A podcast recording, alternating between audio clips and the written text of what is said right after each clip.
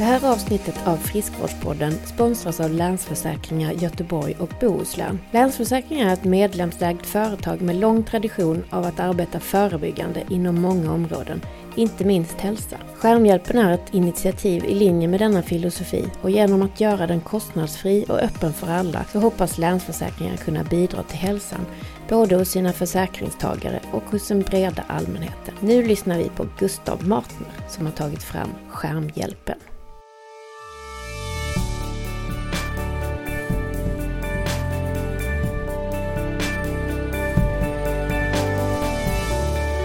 Hej och välkomna till Friskvårdspodden.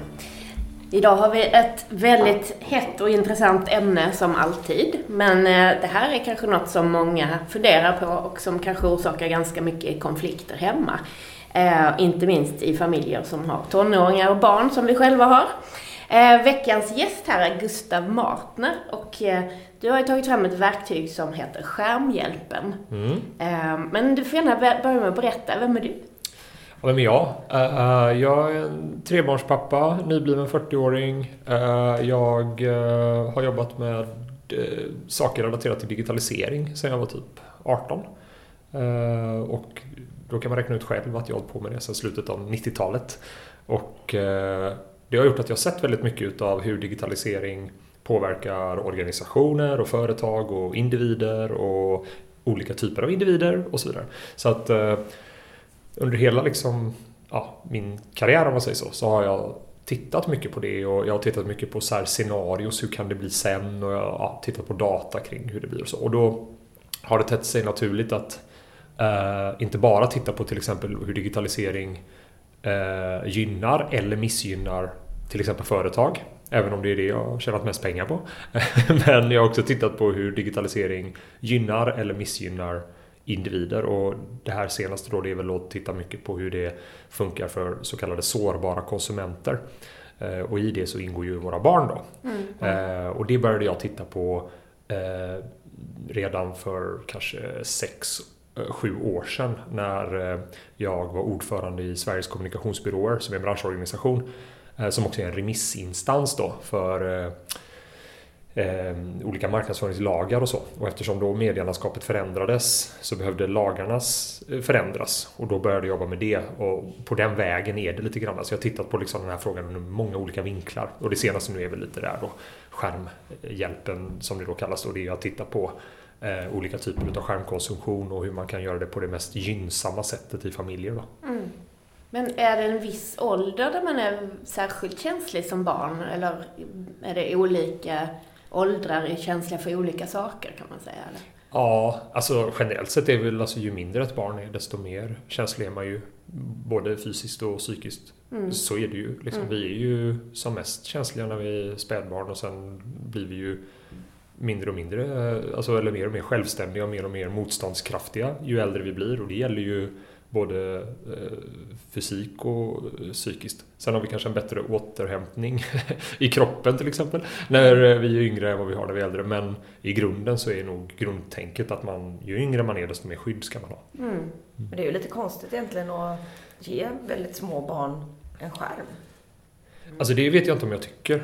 Jag tycker, jag det är konstigt det... att ge små barn en skärm egentligen. Eh, men däremot så måste man verkligen tänka mycket mer på vad man ger ett litet barn. Eh, oavsett om det är mat, eh, media eller Men jag tänker så. bara för att jag har en 16-åring och då fanns det ju ingen skärm. När han, när han var bebis. Jo. Ja, jag hade ingen då. Ja, när han var lite, ja. ja. men det fanns ju, men det var inte så, så att alla hade det. Utan det var ju, då lekte man ju Konsumtionen ser annorlunda ut, men jag, ja. tror, jag hade skärm när jag var ganska liten. Jag hade så här Donkey Kong-spel eller ja, ja, så. Men, jo, så, men nu menar så jag... Är svårt, det, jo, men det hade jag med. Jag är ju äldre än du är. Jag är mm, snart 50. Mm, mm. Jo, men jag menar det här eh, att man... Eh, ibland, jag tror att jag lekte lite mer, eller jag lekte mer med honom än vad jag gör med han som är nio. Mm. Att man satt på golvet lite, byggde lego, man... Jag fixade mycket med man. Och jag vet inte om det är bra eller dåligt, men det var ju ganska mysigt. Mm. Men, men den andra gjorde ju ingenting sånt. Alltså med, barn är det ju eh, jätteviktigt att man leker ja. såklart. Ja. Eh, det är det ju verkligen. Så att det är klart att om då eh, skärmen tar bort lek då så är det ju inte bra. Men däremot så kan ju skärmen vara lek. Alltså ja. man kan ju sitta tillsammans med sitt barn och leka. Och det är väl den här nyanseringen som, som jag försöker lyfta fram. Att man ska bli medveten om nyanserna i den digitala konsumtionen så att man tar fram det mest gynnsamma. Mm.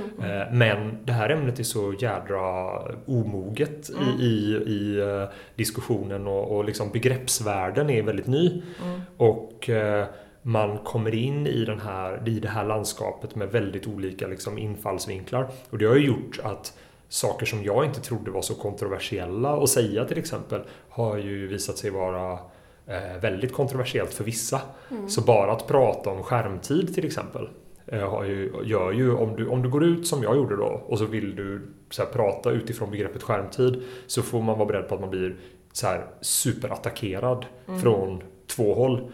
Eh, dels den sidan eh, som, eh, som typ så här Elsa Dunkels och Joakim Jardenberg och så, sådana som, som reagerar väldigt starkt på att man överhuvudtaget pratar om skärmtid.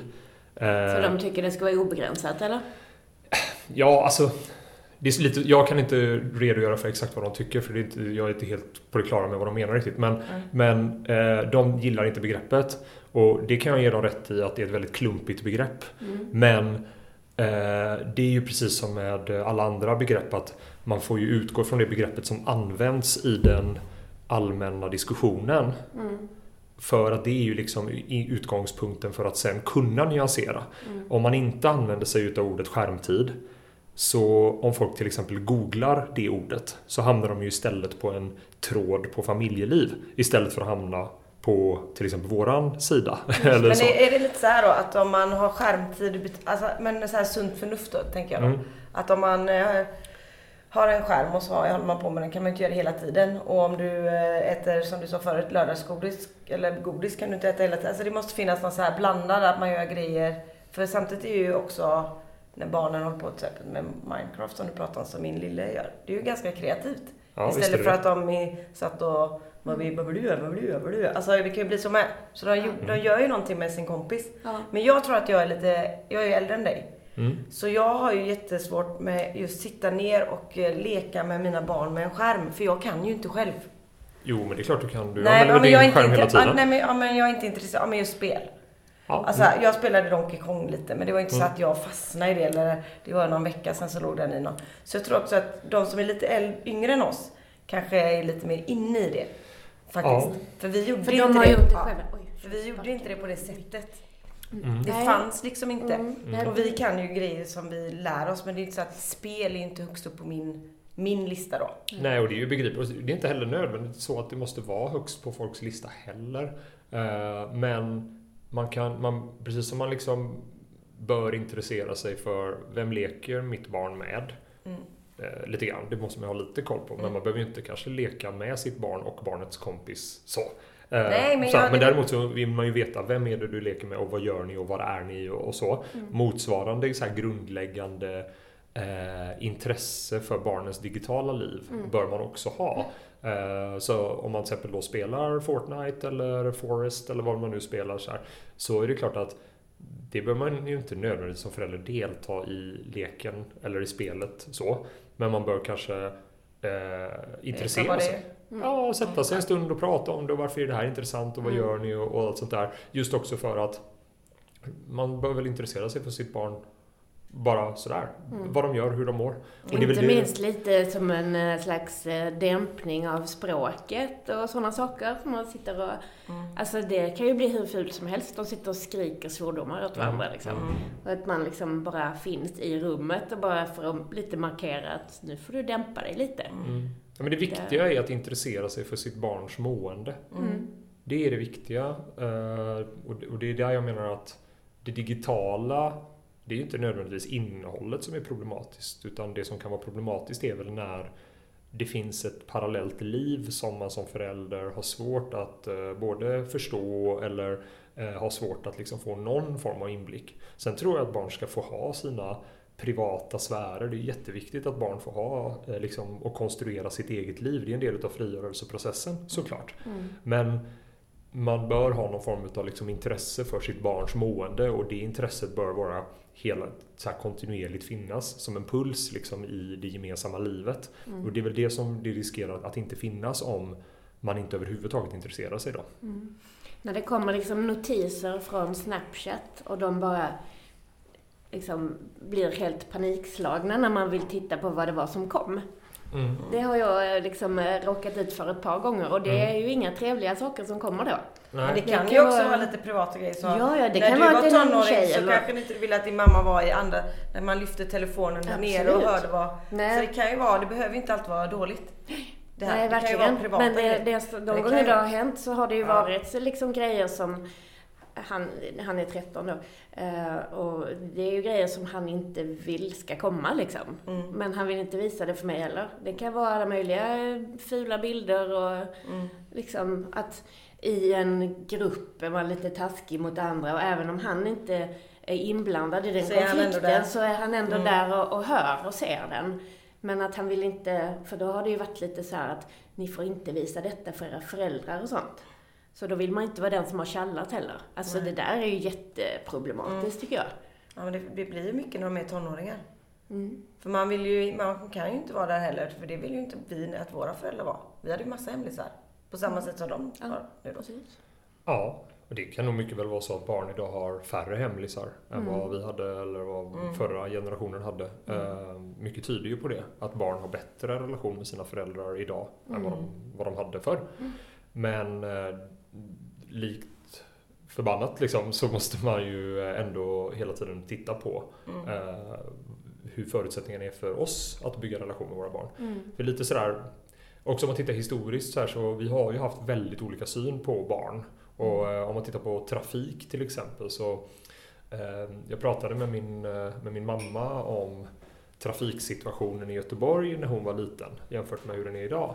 Och då var det ju så att när man byggde Guldheden här uppe i Göteborg till exempel så, så la man, man byggde massa nya hus för familjer och sen så la man en lekplats på andra sidan vägen utan övergångsställe och där körde det bilar utan fartgupp eller mm. någonting. Och så ja, så blev ju då ungarna påkörda. Liksom. Mm. Och då tänkte man att, ah, herregud, eh, barnen måste lära sig trafik. Mm. Och så ägnade man enormt mycket tid till eh, det här med televinken och så man skulle lära barn att vara försiktiga. Mm. Så här i efterhand när man har forskat på detta, anledningen till att man la ner det här med televinken och de här enorma satsningarna då, det är för att forskningen har entydigt visat att eh, det funkar inte. Att försöka lära barn trafiksäkerhet är oerhört marginellt. Det ger otroligt lite resultat. Mm. Eh, för det har att göra med hur barns hjärnor funkar. Mm. Att eh, man, man har inte det tänket. Eh, konsekvenstänk utvecklas i en viss ålder. Och, och sen, så. Mm. Däremot, vad som verkligen gör stor skillnad för barns säkerhet i trafiken, det är fartgupp, övergångsställen, trafikljus, hastighetsbegränsningar. Alltså tekniska mm. begränsningar som, som eh, riktar sig mot eh, vuxna förare och bilen mm. och eh, trafiksituationen. Mm. Och att man kanske flyttar på lekplatsen så att man inte behöver korsa en väg mm, om man ska dit. Då. Gräva en tunnel under Ja, eller något. Då, eller lägga, och där menar jag att den metaforen och det tänket och den erfarenheten måste vi ha med oss in i de digitala miljöerna. Och därför är jag högst tveksam till att alla dessa lösningar som presenteras av politiker och opinionsbildare idag, som att man till exempel skulle kunna lösa det här med fake news med att lära ut källkritik i skolan, eller att eh, man typ ska lära barn att hantera de digitala medierna liksom utifrån någon slags kompetensutveckling hos barnen. Jag tror att allt det där är eh, vi, kommer kämpa med det i typ 30-40 år om, eller något va? Mm. Och sen kommer forskare entydigt visa att det är helt meningslöst. Däremot vad som verkligen ger resultat, det är ju tekniska innovationer och att man till exempel har så här regler inom situationstecken för hur man ska navigera de digitala miljöerna. Eller att man liksom bygger digitala miljöer som är lika bra som att lägga en lekplats på rätt ställe, mm. att ha trafikljus, övergångsställen och så vidare. Mm. Så måste vi se även på bygga miljö. Men idag så har vi alltså en eh, motsvarande, om ni tänker er trafik så här, Idag är de digitala miljöerna för barnen ungefär som eh, vi såg på barn i trafiken i början av 1900-talet ungefär. Mm. Alltså när bilar började komma. det börjar gå mer och mer och det är väldigt mycket inom situationstecken olyckor jämfört med vad vi kommer förhoppningsvis ha framåt. Då. Mm. Och det där med fake news känns ju som att många tonåringar är ju mycket mer medvetna om att det finns felaktiga källor som man inte ska sprida än vad många vuxna är. Ja, det, det, finns helt klart ett inslag av det, men samtidigt så är det liksom det som jag vill understryka det är att det är strunt samma huruvida man är mer eller mindre källkritisk. Mm. Jag, alltså jag uppfattar mig själv som relativt bra på det här med eh, fake news och bla bla bla, hållit på med det, den typen av frågor och så, men jag sprider också fake news av den enkla anledningen att det är tekniskt sett väldigt lätt att göra det. Mm. Det som verkligen på riktigt skulle kunna begränsa spridning utav, utav fake news, det är ju tekniska hinder eller teknisk hjälp då. Inte att jag eh, blir ytterligare lite, lite, lite bättre på att upptäcka det. Nej. Eller hur? Och det är lite som så här, du ska ju inte behöva gå med ett litet eh, så här, kemilabb i, eh, till din eh, affär, eller hur? Och kolla så att inte det har kommit in giftiga besprutningsmedel i apelsinen. Mm. Du ska inte ha med dig en liten, liten pincett och sådär, så hålla på med det. För det tar för Ja, det tar alldeles för lång tid att handla. Jag pratar med den tjejen med lite korkad nästan. Ja. Det går ju liksom inte. Och på samma sätt så måste det, måste det så här, samhället måste ta hand om avarter. Samhället måste ta hand om de här sakerna. Samhället måste lösa det mm. tillsammans med eh, företag.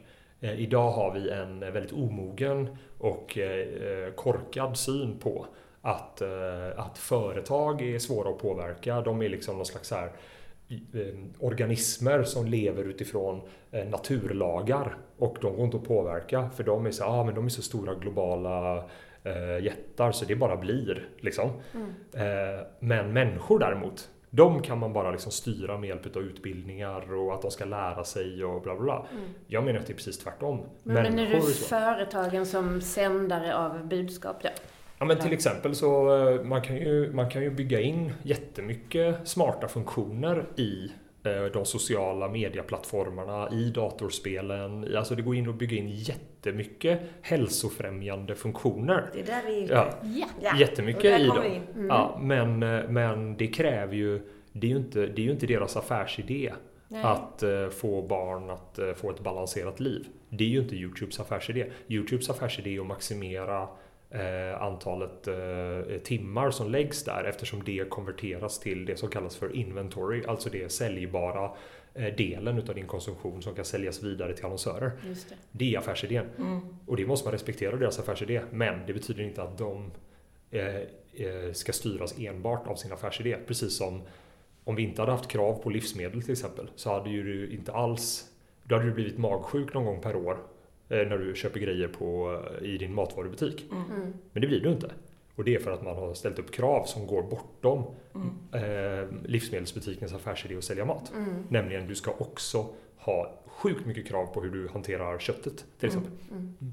Det är ju rätt intressant egentligen om man tänker sig för att mat och livsmedel är ju så, det kommer oss väldigt nära för att man sväljer ner det liksom. Ja. Och egentligen borde ju den digitala konsumtionen vara samma liksom ge samma känslor. För att ja, det är ju liksom direkt in i skallen ja. istället. Ja.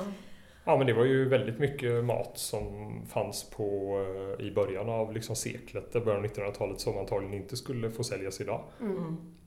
Och det, det, har ju att göra med att man bygger ett välfärdssamhälle och då, in, då blir det mycket tuffare lagar samtidigt som tekniken tillåter oss att tillverka mat mycket effektivare. Mm. Och de två krafterna liksom måste gå i takt och det gör de inte i det digitala. Där är det te den tekniska innovationen är så överproportionerligt eh, mycket, mycket större än eh, kraven på eh, att de ska bidra till vår hälsa. Då. Mm. Men alltså skärmhjälpen då? Mm. Den handlar mycket om liksom hur mycket tid vi lägger, eller hur? Ja. Eller handlar den också om vad vi lägger tiden på? Ja, det är ju det den i första hand okay. Eh, handlar om. Eh, men om man tittar på det lite utifrån så, så är ju den första frågan är just hur mycket tid lägger man? För det är ju den första frågan man får ställa om man ska utreda någonting. Mm. Men det som vi har försökt att göra med kurserna i skärmhjälpen det är ju att så fort som möjligt förflytta den diskussionen från just hur mycket tid lägger du till vad gör du med din tid? Ja, och eh, det är ju där den stora skillnaden är. Mm, för att vi har ju pratat om det med Anders Hansen här till mm. exempel också, att det handlar ju mycket mer om vad egentligen. För jag menar, skärmtid kan ju vara att man ser på en film på Vetenskapskanalen liksom. Absolut. Eller att man gör sin läxa faktiskt mm. på skärmen. För ja, det är ju de där flesta, de gör läxan. Mm. Liksom. Ja. Eller att du lyssnar på en ljudbok. Ja. Eller en podd. Mm. Eller en podd. Men eh, jag tänkte Fruktansvärt, på det. alla dessa poddar va? Nej men det som Anders var, var inne på, som jag faktiskt har tänkt på lite det. Att om du eh, och jag ska umgås mm. utan skärm, mm. så här. Och så har vi en telefon liggande, min telefon liggande på bordet, så blir du mindre viktig för mig.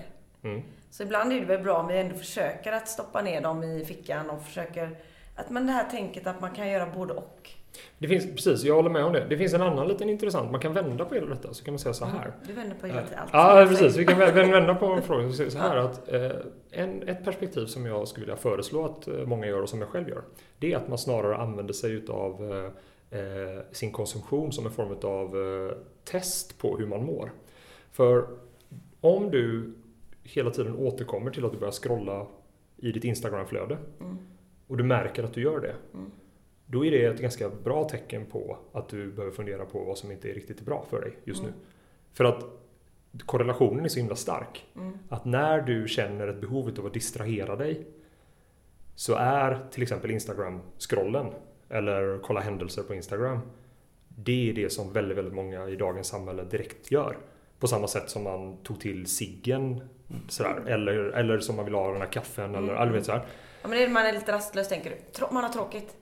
Det kan vara att man är tråkig, det kan vara att du eh, är eh, orolig för mm. vad som ska hända imorgon. Det kan vara att du eh, känner att det är något som gnager i din relation. Mm. Det kan vara att du känner av att din partner till exempel verkar missnöjd med något. Och det känns jobbigt, man märker att det är liksom lite gnabbigt. Så mm. Då tenderar man ju till att titta mer mm. i sina flöden. Däremot när man känner att allt är jätteskönt, allting är lugnt mm. och det, det, finns någonting som man vill göra och allt mm. sånt där. Då tenderar man till att inte titta så mycket. För då fokar man så himla mycket på människorna runt sig och... Eller så här. Ja men då är det typ samma som jag sa fast du... Ja men man kan vända på det. Ja, det som är roligt så här, men, ja, för, att det... är så här, för att det som är, det är en intressant tanke att man kan antingen se det som att så här Ja, men jag scrollar och tittar jättemycket mm. Instagram eh, till exempel. För, och, och, så får det mig att må dåligt. Mm. Det är ju ett perspektiv. Mm. Och, och, så kanske det finns lite koppling. Mm. Men jag tror inte den är så stark. Men däremot så, så är den andra kopplingen, den är ju så här. Jag har hela tiden tillgång till något som kan distrahera mig. Mm. Och då kan man ju fundera, fundera på så här. Det är ju inte något fel att distrahera sig. Jag tycker inte det är så här i grunden fel att distrahera sig. Men däremot så är det bra att man vet när man distraherar mm. sig. Mm. Så att om du då tänker så här, märker så här, shit vad jag håller på att titta på Instagram väldigt mycket. Mm jättebra liten eh, liksom sån här eh, eh, aha. Mm. Det är en bra liten gate så här, att sätta upp för sig själv så här. Intressant. Jag håller på att titta mycket på Instagram.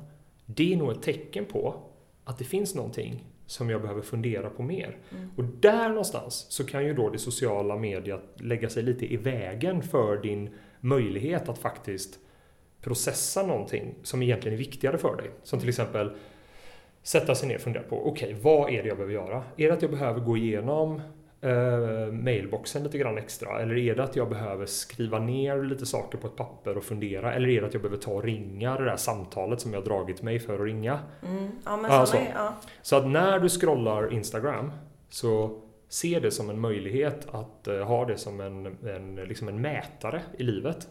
När den scrollen börjar gå upp på rött då är det verkligen dags att liksom så här, shit, det är någonting jag behöver göra. Vad är det jag behöver göra egentligen? För det är någonting som gör att jag går hit hela tiden. Ja, jag skulle vilja ha en slags, eh, vad ska man säga? Grön och röd knapp? Ja, eller en slags möjlighet att, att eh, begränsa att du får bara kolla här en gång varannan mm. timme. Mm. Eller du får bara vara här en gång om dagen. Alltså att det fanns det, det är en bra, sån... Och det finns det ju. Eh, jag jag var ju själv under en period, och har varit i många perioder, så här, haft liksom det här beteendet och det tog en stund innan jag liksom klurade ut för min egen del hur till exempel sådana här små knep för att lura min egen hjärna till bättre. så. Eh, och då, jag hade en period där jag tittade otroligt mycket och distraherade mig sjukt mycket med min telefon hela tiden på grund av stress och, och oro och massa privata problem och eh, oro över saker på jobbet och allt möjligt. Då. Mm. Och, och, då var det ju, det gick ju så långt som jag berättade för er innan då att, att uh, min dotter ritade familjen på skolan om man skulle rita sig i första klass här, och då ritade hon mig tittandes ner i en mobiltelefon. Mm. Den teckningen som sedermera blev en uh, reklamfilm för IKEA. Mm. så att jag berättade det för, för dem.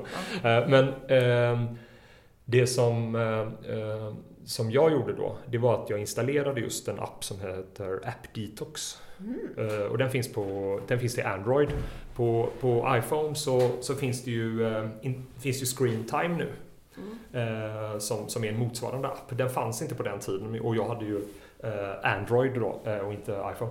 Men då körde jag App Detox för att liksom se om jag kunde ändra mitt beteende och få lite hjälp med det. Och det var ju en chockartad upplevelse att se hur jävla svårt det var att mm. ändra sitt automatiska beteende. För jag hade ju byggt upp ett automatiskt beteende Eh, sen är återigen så här, det, det, är inte så här, det finns ingen forskning som tyder på att det här skulle vara liksom så här dramatiskt farligt. Eh, på samma sätt som kanske överkonsumtion utav eh, Eh, cigaretter, alkohol. Eh, jag vet inte, det finns ju massor, man kan ju missbruka allt. Man kan ju träna mm. så mycket som man pajar liksom, ja. livet på det mm. sättet också. Alltså det finns ju jättemånga sätt att förstöra sitt liv om man vill. Men att, att ha överkonsumtion av sociala medier och sånt där. Forskningen tyder ju på att det ger en negativ effekt om du konsumerar väldigt mycket av det. Eh, men den effekten är ju liksom ja, inte så enormt stor liksom, jämfört med många andra saker. Man kanske bara råkar ut för en skilsmässa för man är så jävla tråkig kanske. Ja, eller Varje så, gång någon pratar med dig så, ja. det är ju ganska tråkigt med människor ja. så när man ska berätta något kul och så helt plötsligt ja. säger man, nu tittar hon eller han på någonting på sin telefon. Ja, precis. Det är ganska otrevligt. Lite så. Jag tänkte faktiskt på en grej som jag sa till dig. Mm. Jag kommer ihåg när man var liten när man fick lite skäll av mamma eller pappa för man läste på mjölkpaketen när man käkade middag. Ja, så fick du? Ja men då tyckte de väl att, nej men, nej men att man satt och umgås och satt någon och ja, pratade. Nu tog någon, ja. någon mjölkpaket, när jag satt själv ja. fick jag väl göra det, men då tog man mjölkpaketet och det var ju ett sätt att liksom vara lite nonchalant. Ja just det, precis. Och det är ju samma sak om jag sitter och berättar någonting för dig mm. och du tar upp din telefon och börjar kolla Instagram, då, mm. då kan det bli så här, nu fejdar han ut, mm. ja då kanske det inte jag var så viktig längre. Nej, precis. Och det är en obehaglig känsla ja. och dessutom stämmer det ju antagligen då. För ja. att uh, när du sitter med någon och de börjar hålla på med mm. så här, då är det ju ofta ett tecken på att personen, det är någonting. Uh, jag tror definitivt att, uh, att liksom distraktion att man distraherar sig med sociala medier eller med datorspel. Så jag tror definitivt det kan skapa skilsmässor. Mm. Otvetydigt liksom. Mm. Men, men man kan ju fråga sig om det är själva... Det kanske det... gjort ändå. Ja, precis. Det kan ju vara att personer har distraherat sig med något annat. Liksom, så hållit på med sitt eh, liksom, modellflygplan i mm. källaren mm. istället. Liksom, så. Men tillgängligheten av det digitala för att distrahera sig är, den är ju så enormt stor. Mm. Så att den finns ju liksom hela tiden i din hand. Mm. Eh, men det är klart att man kan ju inte säga att det är det digitala mediets fel att du skiljer dig men däremot så ligger det som en, eh, en tydlig eh, möjliggörare till att inte ta tag i dina problem. Alltså det är en väldigt mm. så tydlig eh, distraktor om man säger så för, för saker och distraktionen i sin tur den ligger ju i vägen för att ta, emot, ta tag i det som måste tas tag i. Så man, man egentligen bara drar ut på den här skilsmässan?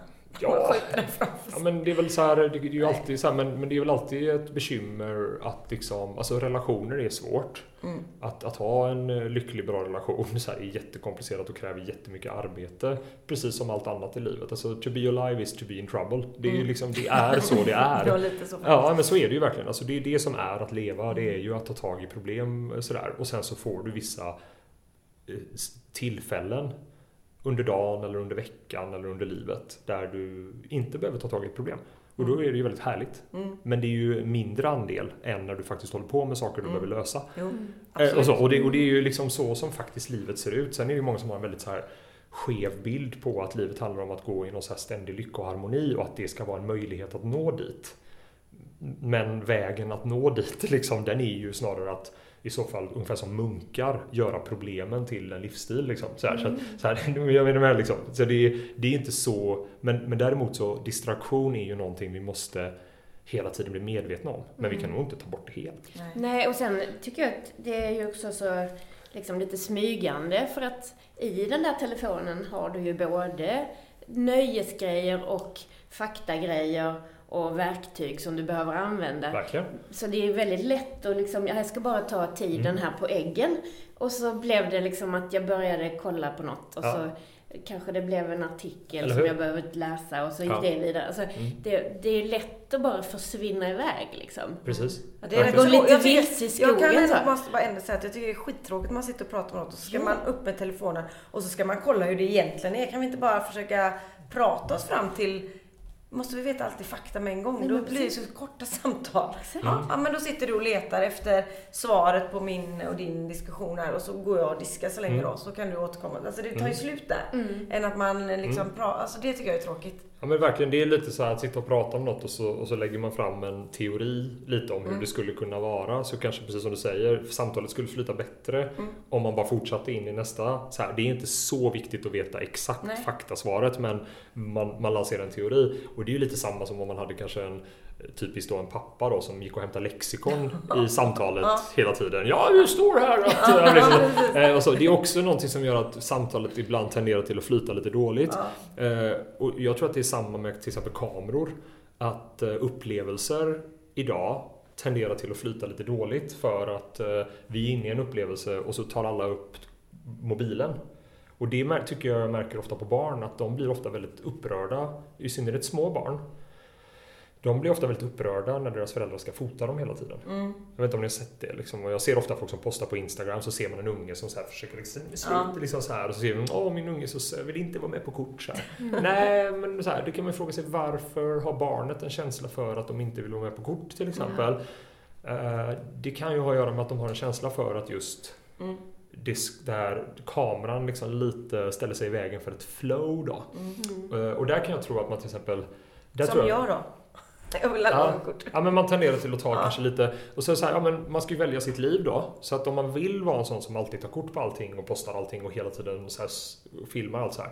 Då kan man ju välja det för att man vill ha det typen av livet. Men jag kan ändå tycka att det kan vara klokt så här, att man testar ibland och ser så här, ja, men är det verkligen det livet jag vill ha? Och då kan man till exempel säga till sig själv så här, ja, men jag testar eh, fotofria dagar eller en fotofri vecka eller jag testar en fotofri semester eller ja, vet, så här, va?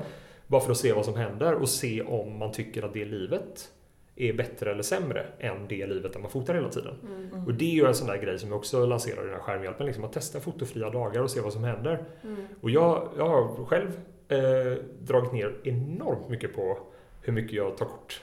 Jag har alltså verkligen gått ner till kanske, ja, säg att jag är nere på 5-10% av fotografering jämfört med hur jag hade det för två, tre år sedan. Och jag upplever det som att det passar mig bättre. Mm. Jag tycker att jag trivs bättre. i situationen då.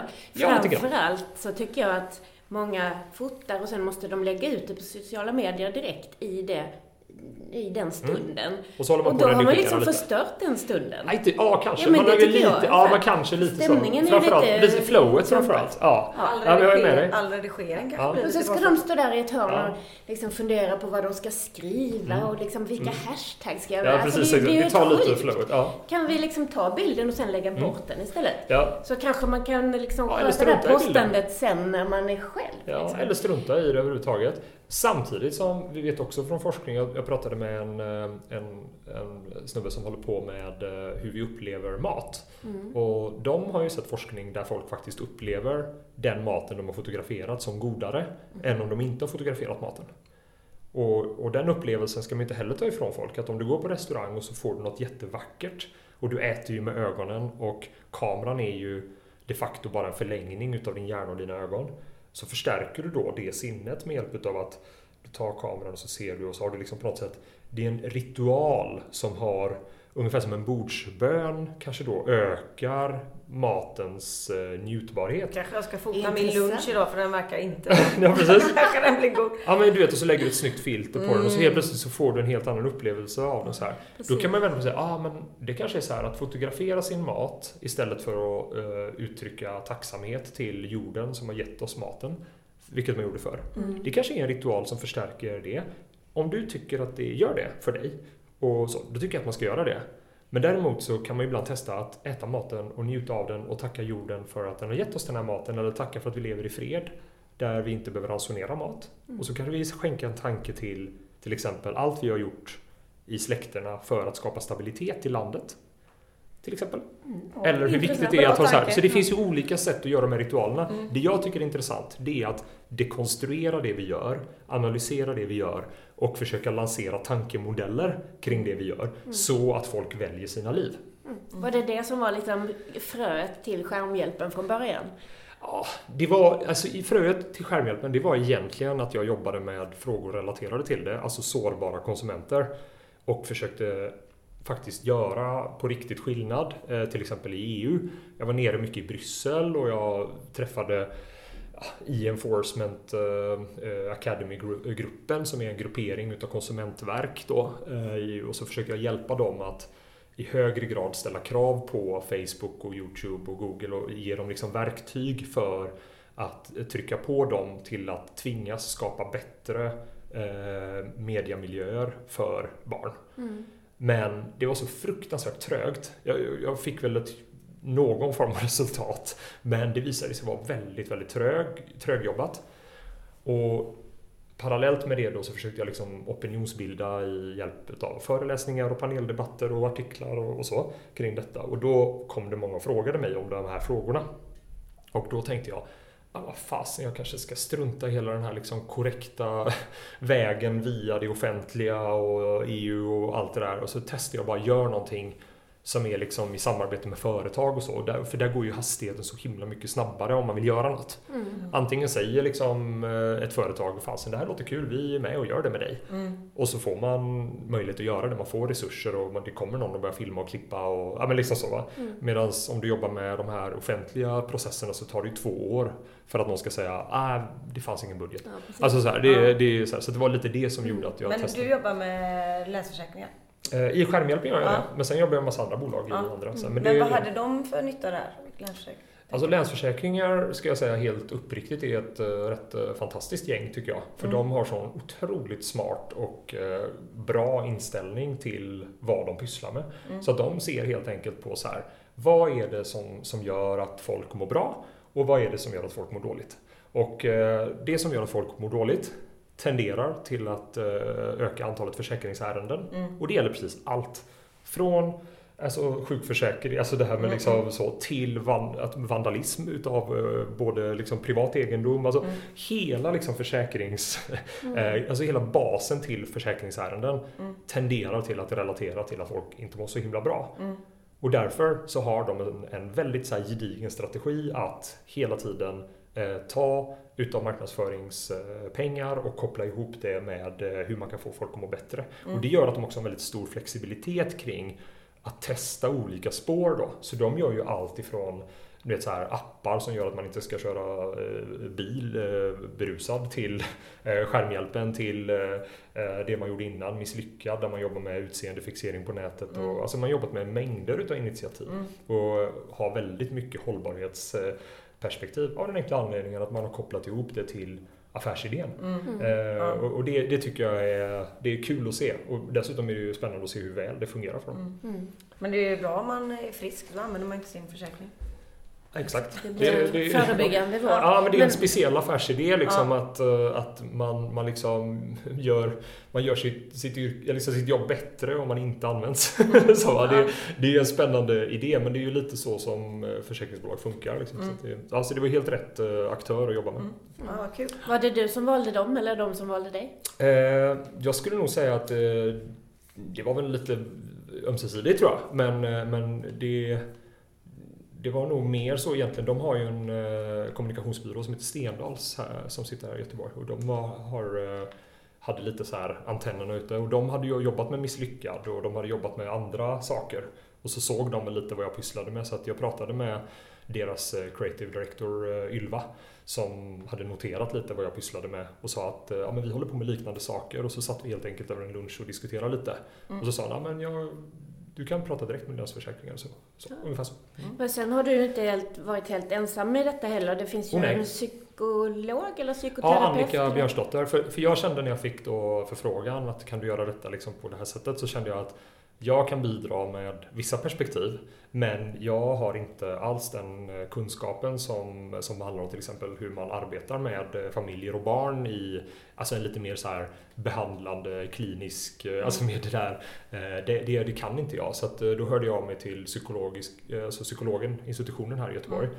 Och så frågade jag deras dekan helt enkelt, så här, vem, är, vem är bäst på det här? Eh, och då gav eh, de mig eh, namnet till Annika Björnsdotter och då tittade jag lite på hennes forskning och vad hon hade gjort och sådär och såg att hon kändes jätte, jättebra. Mm. Så då tog jag en träff och, och, hon visade sig kunna lägga några timmar på mm. att hjälpa till. Då. Mm. Ja, och hon var även KBT-terapeut, mm, eller inriktad precis. på de ja, frågorna också? Hon har jobbat med KBT, och, alltså, men hon, hon har gjort jättemånga olika saker. Hennes CV är tungt ja. och det var vad vi behövde för att liksom lite ja, liksom så här, malla in lite kanske min yvighet. Då. ja, men, men äh, har vi sagt att äh, din äh, kostcirkel och... Nej, just det. Den mm. måste du ju prata om också. För i ett dietistperspektiv så lät det ju jätteintressant att det ja, fanns en digital kostcirkel. Så var det. Ja, just det. Och det var egentligen så det började. Nu kallar vi det för skärmhjälpen just för Länsförsäkringar då. Men egentligen så började det med när jag höll på med den här föreläsningen innan jag kopplades ihop med dem då. Så, så kallade jag föreläsningen för digitala kostcirkeln. Och det var egentligen för att Eh, när maten industrialiserades i eh, Sverige och världen då uppstod det nya problem. Fram till dess så hade ju liksom problemet varit hur ska vi kunna ge mat till alla? Mm. Så att alla får mat och inte svälter. Men efter industrialiseringen av mat så uppstod ju nya problem som man inte hade haft förut och det var ju problem som handlade om nu äter vi lite för mycket eller vi äter fel. Mm. Och det är ju typiskt så här överflödsproblematik. Så där. Eh, och då insåg man att okej, okay, nu måste vi liksom få människor att, eh, att tänka kring sin, sin mat på, eh, på ett bra sätt och vi måste liksom skapa ett ramverk för hur vi tänker kring matkonsumtion. Då. och då tog man ju fram bland annat då, kostcirkeln.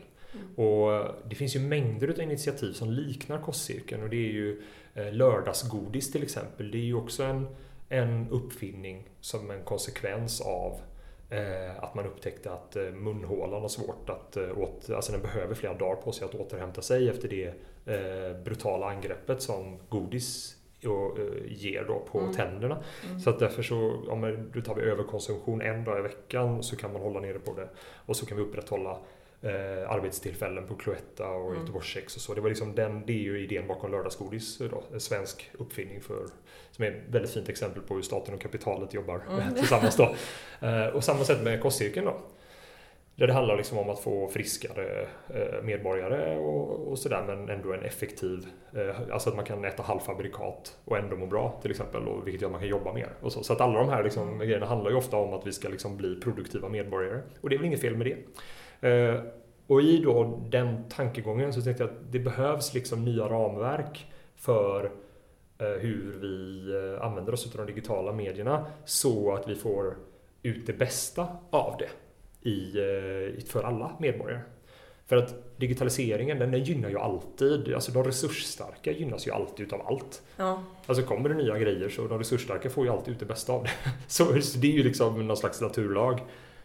Men det som är den stora utmaningen för ett samhälle det är ju att fördela ut innovationer och nya beteenden och kapitalstrukturer och allt vad det är på ett sätt så att man får med sig alla. Det är ju alltid utmaningen liksom, att här, skapa jämställdhet i det. Och det är ju även i linje med, om man ska ta till stora ord då, så är ju det, eh, nu minns jag inte vilken paragraf det är, om det är 18 eller Ja, någon, jag kan det i huvudet, men det finns ju en av eh, paragraferna i eh, FNs resolution om de mänskliga rättigheterna. Så står det ju att det är en mänsklig rättighet att få ta del av eh, vetenskapliga framsteg.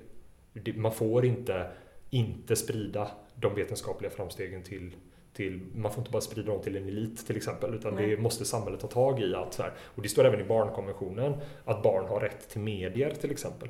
Så att det här är väl så grundläggande mänskliga rättigheter att vi tar eh, ansvar för både barn och vuxna i relation till innovationer inom media. Och, eh, och det var väl egentligen då liksom att med de stora orden, om man trattar ner det lite till, okej, okay, men hur skulle man kunna rent praktiskt jobba med en sån här fråga? Och då, då, tog jag liksom upp det som en så här tankemodell då, att ja, men vi kanske behöver någonting i linje med en kostcirkel, att det här är så här, fullkorn och fibrer och det här är liksom motsvarande godis och lite så. Just för att det är en metafor vi kan ta med oss. Mm. Eh, vi tänker ju ofta så med gamla metaforer, går vi in i det nya. Liksom, så. För jag såg framför mig så här, eh, skärm, fotboll, eh, skogspromenad. Ja, just de här olika ja. bitarna. Så det inte bara var en skärm utan att du får ja, men typ Man måste ärtor, fisk och potatis. Liksom. Ja, just det. Mm. Precis. Ja, men det, det hade ju också kunnat vara en intressant tanke liksom. Och för mig är det mer det är lite som du är inne på där, det har vi lite på skärmhjälpen det här med eh, dygnets eh, timmar. Just mm. alltså vad du gör. Och där försöker vi få in just att skärmen då den, den, absolut, den, skärmtid finns ju, men, den, men skärmtiden kan ju också vara kopplad till Eh, till exempel fysisk rörelse. Det kan du ju. Du kan Swift. ju upp. Swift. Ja, ja. ja, men precis. Swift då, Du cyklar med en skärm framför dig. Ja. Så här, eh, det, det, är ju en möjlighet. Eh, Pokémon Go var mm. jättemånga ute och promenerade. Och så, så att skärmen behöver ju inte nödvändigtvis stå i kontrast Nej. till det. Men definitivt så står ju skärmen i dagsläget ändå helt rimligen i kontrast till sömn till exempel. Mm. Ja. Där, där, har vi ju inte, det finns inga appar där skärmen är liksom påslagen och du använder den som de facto får dig att, att liksom sova mer. Kanske kan det få dig att hjälpa dig att somna. Och kanske kan du vakna med någon sån här sleep cycle lite bättre. Men i grunden så är det ju ändå så att den tenderar till att ta sömn ifrån ja. Så där har, vi liksom, där har vi ju de facto problematik då. Mm. Att, eh, att försöka få barn att sova lite mer. Och det är ju dessutom så himla Och det är inte eh, kopplat. genom en skärm? Nej, alltså det är ju klart att det finns ju uppenbart eh, bevis för att eh, skärm som distraktion kan bli så roligt och intressant och svårt att sluta med att det tar utav din sömn. Mm. Det kan även andra saker göra, men skärmen har ju visat sig vara eh, exempellöst effektiv på det. Mm. så, så att definitivt, och där är ju de facto ett problem, problem såklart. För mm. att det är ju verkligen hälsofarligt att inte sova mm. eh, ordentligt. Mm. Sen så ska man väl inte dra för stora växlar på liksom, det är ju, det är ju individuellt liksom, sömnbehov. Vissa barn behöver sova mer än andra. Men där har man ju verkligen någonting man måste titta på. Mm. Och det är väl typ så här dygnets liksom, timmar, vad gör vi med det? Och sen mm. har du ju fysisk aktivitet såklart och som är jättebra för hälsan om man verkligen har med då. Ja, precis. Eh, för det känns ju som att Visst, Pokémon Go var ju superinne för några år sedan. Ja. Men i den gruppen där det behövs mest, där är det ju inte så hett längre liksom. Nej. Uh, så att de flesta spel och, och skärmar innebär ju ett stillasittande. Ja, idag är ju mycket kopplat till det. Och man vet ju inte hur teknikutvecklingen blir. Men just idag så är det ju definitivt så. Mm. Uh, att uh, att, att liksom skärmen tenderar till att få oss mer stillasittande, ja. Mm. Mm. Så vi har lite att pyssla med ja, för att skapa balansen. Man, nu vi, igår hade vi, um, poddade vi med Marcus Torgeby om du vet vem det är. Han bodde i skogen i fyra år i ett tält. Ah, ja, tycker om att frysa, mm. kan vi säga. Mm. Ja, och idag är vi med dig så man, hjärnan är verkligen så här, ja. Ja. Jag... På något sätt måste man ha balansen. Mycket information. Och sunt förnuft själv. Alltså man, mm. Att röra på sig och se det goda i livet utan en skärm tycker jag är väldigt härligt. Mm. Samtidigt som man behöver den för att också se härliga grejer. Men jag gillar ibland bara att alla släpper den lite och man är här och nu och ser det här. Mm. Och det är väldigt finns. nyttigt, tror jag, att liksom uppleva hur mycket liksom wifi blir som att andas liksom. Mm. Mm. Att man inte ens tänker på att det finns där hela tiden. Det är väldigt nyttigt att mm. detoxa lite mm. ibland. Ja, lite man ska så. använda ett sånt ord. Precis, men det finns lite olika sidor av det. Jag tycker till exempel att eh, något som jag tycker väldigt mycket om med digitaliseringen det är ju den här möjligheten att jobba mer eh, fritt. Eh, så. Eh, baksidan är ju såklart att man tyvärr jobbar när man är ledig. Mm. och så. Men jag tycker ändå fördelarna överväger kraftigt Ja, men det kan jag tycka också. Men jag tänker mer så här att man måste ibland eh, jag kan gilla att springa i skogen på, mm. med mitt tjejgäng. Och det är verkligen så en Lisa för själ heter det va? Så mm. gammalt mm. Men att man också gör sådana grejer så man inte blir fast i den här mobilen som man, nej men jag, där. Mm. Min, eller, ja ni fattar vad jag är ute efter. Mm. Det finns, man måste göra både och. Mm. Mm. Och, det är, och det är väl där då liksom att man får titta på vilken effekt som eh, skärmen har i ens liv men också vilken, vilken effekt livet har för ens skärm. Mm. Alltså att man vänder på det som jag var inne på. Mm. Att, att om det du gör leder till att du springer ännu mer med dina vänner då är ju det positivt. Så att säga. Mm. Men om det däremot hindrar dig eller distraherar dig från att ta tag i det eller att du bara märker att kvällen tog slut nu igen för att mycket mm. tid gick och så ser du på screen time då som jag rekommenderar alla att ha att din konsumtion har gått upp mycket. Mm. Då är det ju dags att börja fundera då. Men då tror jag ofta lösningen ligger i andra saker. Mm. Ofta kan det nog vara att man så här, fan jag måste ta en timme och bara reda upp i lite svåra saker i mitt liv. Så mm. Jag måste ringa det där samtalet eller jag måste räkna ut den där grejen eller så hur jag ska göra med pengarna. Eller, mm. Alltså du vet, mm. saker, det är ofta Problemet, det som, så här, som i grunden ger oss frihet att tänka mm. eh, och bestämma. Och det är det som jag tror det handlar om i slutändan. Att, att hjälpa människor att välja sina liv. Eh, Precis. Så. För det är ju lätt att man bara fortsätter att mata, liksom låta sig mm. mata och mata Precis. och mata. Mm. Istället för att man stannar upp och blir lite medveten om det. Ja.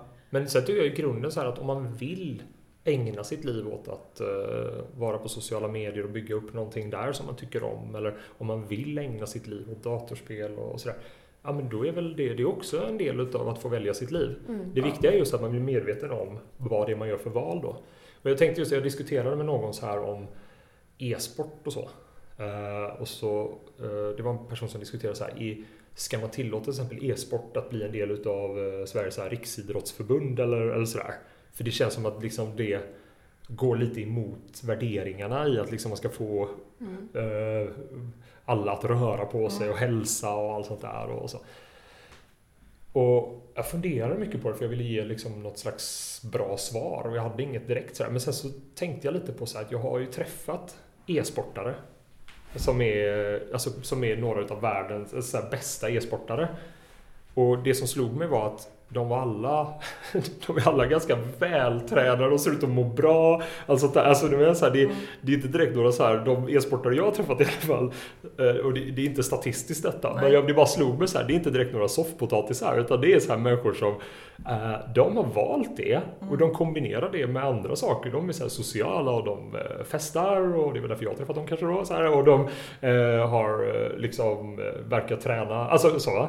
Och då kan man fråga sig så här, det är nog inte, det är nog inte de e-sportarna som på något sätt symboliserar utan det är nog tvärtom de som har, för e-sportarna om man tänker så här. Mm. Det är säkert så att det finns olika sorter där med men jag tror att en stor andel av dem har gjort ett så medvetet val och de har byggt upp någonting som har gett en så positiv eh, sak i deras liv och de kombinerar det precis som vi andra då som har något fungerande bra i vårt liv med andra saker.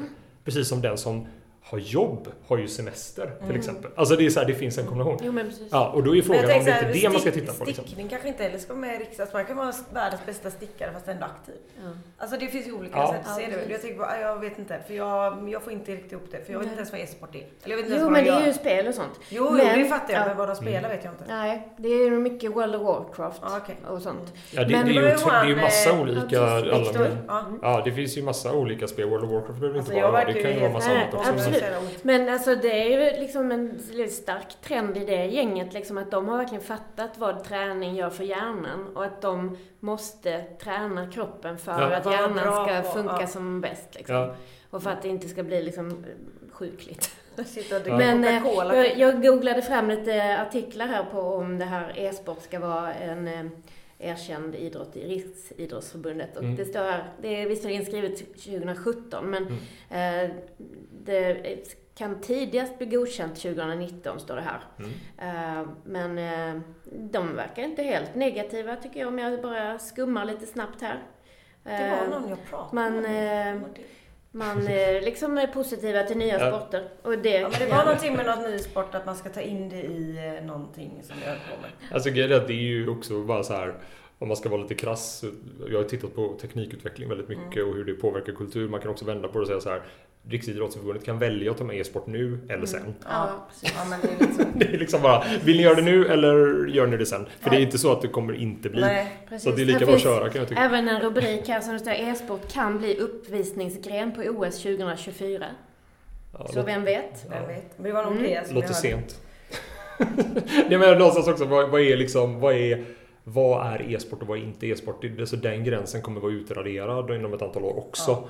Uh, för det kommer liksom vara, uh, det blir ju bara mer och mer hybrider i vår upplevelse av världen. Mm. Så att säga. Så att jag menar, var går gränsen? Alltså när, vad är definitionen utav digitalt och definitionen utav eh, bokstaven E innan någonting? Ja, eh, är det när en etta och en nolla på något sätt är en del av eh, ett utförande eller en upplevelse? Mm. I så fall har vi redan e-sport. Med tanke på hur otroligt mycket digitala hjälpmedel som ligger i flödet mellan att någon utför någonting och att någon konsumerar någonting. Mm. Eller vad det nu är som är sporten. Mm. så att mm. säga. Eh, se bara på liksom hur vi upplever fotboll. Hur mycket digitalt som ligger i, mm, mm. i, i upplevelsen. Både för eh, spelare, domare, eh, tränare, publik, tv-publik. Alltså så här, mm. Det digitala är ju redan helt inlämnat i, eh, i alla upplevelser. Och då, då kan man ju tänka sig att det som man får definiera då, det är ju precis som i alla andra sporter. Att så här, ja, men får till exempel domaren använda sig utav tv-kamerorna för att kolla om det var mål eller inte? Mm. Ja, det blir en sakfråga då. Mm, och sen efter ett tag så ändrar man på det utifrån vad som är bäst för allas upplevelse av sporten. Mm. Och på samma sätt så måste man ju rimligen lägga det perspektivet på e-sport. Och då kan man lika gärna säga nu att det är lika bra att börja grotta i det här. Mm. För du kommer alltid kunna hindra den vågen av Nej. digitalisering eh, ändå. Jag står här och funderar, är jag en e-sportare när jag går på ett sånt här pulsbandspass? Ja, mm. När jag har pulsband och sitter på en spinningcykel och du har allas puls på en mm. tavla längst fram. Då är det ju egentligen en e-sportgren ja, då kanske. Och sen kan man ju då tycka då att det finns något... Annars är tveksam ut. Ja, ja, men det är ju där någonstans som definitionerna ligger. Men sen kan man ju då tycka att det finns en, eh, något genuint i att uppleva världen precis här och nu och att det är något häftigt i det, precis som att laga mat. Att det finns något fantastiskt i att ta råvaran hela vägen och så. Och mm. den upplevelsen blir ju oftast mer attraktiv när alternativet finns. Och det kan man ju se att några av de så mest digitala inom situationstecken så här, människorna, liksom de här som jobbar med tech och allt sånt där. Det är ju de som, off, som är de som har skapat de här festivalerna som så här Burning Man och Borderland och alltså de här festivalerna där, där man är extremt mycket i stunden och mm. skapar väldigt mycket där på plats och så vidare. Mm. Eh, det är ju nog ingen slump att det är de som är mest så här, längtar mest efter det och som är pionjärer inom det. Och där ser man ju liksom typ väldigt lite utav mobiltelefoner och det digitala upplevelsen. Där är man väldigt, väldigt, väldigt mycket på plats. Men det förstärker resten av livet digitalt, både innan och efter. Men var det inte han Steve Jobs som sa att hans barn aldrig skulle få se på en skärm? Nej, han sa uh, “We limit how much technology we use at home”. Mm. Det är citatet. Och det är, inte en, det är en begränsning, men det är inte något förbud. Mm. Och det tror jag också, det är väl, det är väl typiskt här en ganska klok mm. sunt förnuftig eh, inställning. Men det, vi, vi, ska ju avsluta nu, så jag tänker att vi avslutar lite med det att man ska nog ha en liten blandning av allt. Ja, framförallt ska man ha kunskap. Ja. Och analys, det, det är det viktiga, eh, tycker jag. Och det är ju också det som jag tycker är fint med att ni gör den här podden och att liksom man ägnar sig och att man lyssnar på sådana här poddar eller vad man nu mm. gör då. Att det är på något sätt en fin handling i sig. För det gör att man åtminstone har försökt att sätta sig in i någonting. Och det skulle jag säga finns kanske ett mått av distraktion att lyssna på en podd när man gör något annat. Men å andra sidan kan jag tycka, inte det är en bättre typ pendling? Att man lyssnar på något som är vettigt. Mm. Eh, än att man bara sitter och liksom inte gör det. och där kan man verkligen se hur liksom mobilen har hjälpt oss att få en mm. bättre vardag. Så man utvecklar sin kompetens på ett sätt som är lite av distraktion men också bra för dig. Mm. Och där har ju då, så den som lyssnar på detta och tycker att de har fått ut något av det, de har ju Eh, ja, men de är ju vinnare på digitaliseringen. Vi har ju hört då att eh, många lyssnar på det här medan de fixar i ordning med fredagsmyset. Ja, Eller att man kör det medan man städar inför ja. helgen. Mm. Exakt. Så att eh, absolut, ja. det kan ju... Friskvårdspodden, bättre än dammsugarljud. Ja, ja. exakt. Där hade vi den. Det kan vara. Punchline. Ja. Jajamän. Ja, men tusen tack för att du kom. Tack för att jag fick komma.